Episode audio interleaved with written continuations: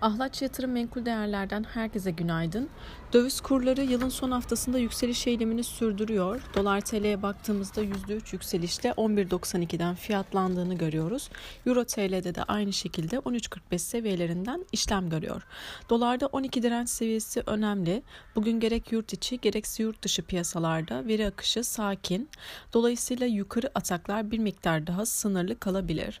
Küresel piyasalara baktığımızda Asya Pasifik hisse senetleri Amerikan borsalarındaki rekor kapanışları takip ederek yükselişlerine devam ediyorlar.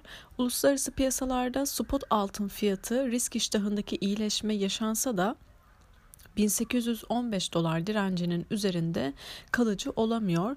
Aşağıda özellikle 1805 ve 1800 e, dolar önemli destek noktaları. Yukarıki ataklarda da 1825 direnç seviyesinin e, önemli olduğunu söyleyebiliriz. Brent petrolde de her ne kadar omikron varyantı vaka sayılarında belirgin bir artış yaşansa da varyantın 2022'de küresel talep üzerinde sınırlı bir etkiye sahip olacağı umuduyla %3'e yakın yükseldi ve şu anda 78 dolar seviyelerinden işlem görüyor. Özellikle aşağıda 75 dolar destek seviyesi, yukarıda da 80 dolar direnç seviyesi önemini koruyor. Türkiye Cumhuriyet Merkez Bankası döviz mevduatları ve döviz cinsi katılım fonu hesaplarından vadeli TL mevduata ve katılım hesaplarına dönüşen tutarlara e, zorunlu karşılık teşviki e, uygulanmasına karar verdi.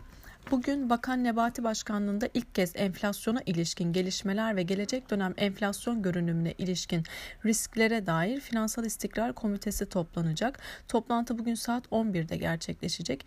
Bugün içerisinde Amerika'da tüketici güveni dışında piyasaları etkileyecek önemli bir haber akışı bulunmuyor. Herkese bol kazançlı güzel bir gün dilerim.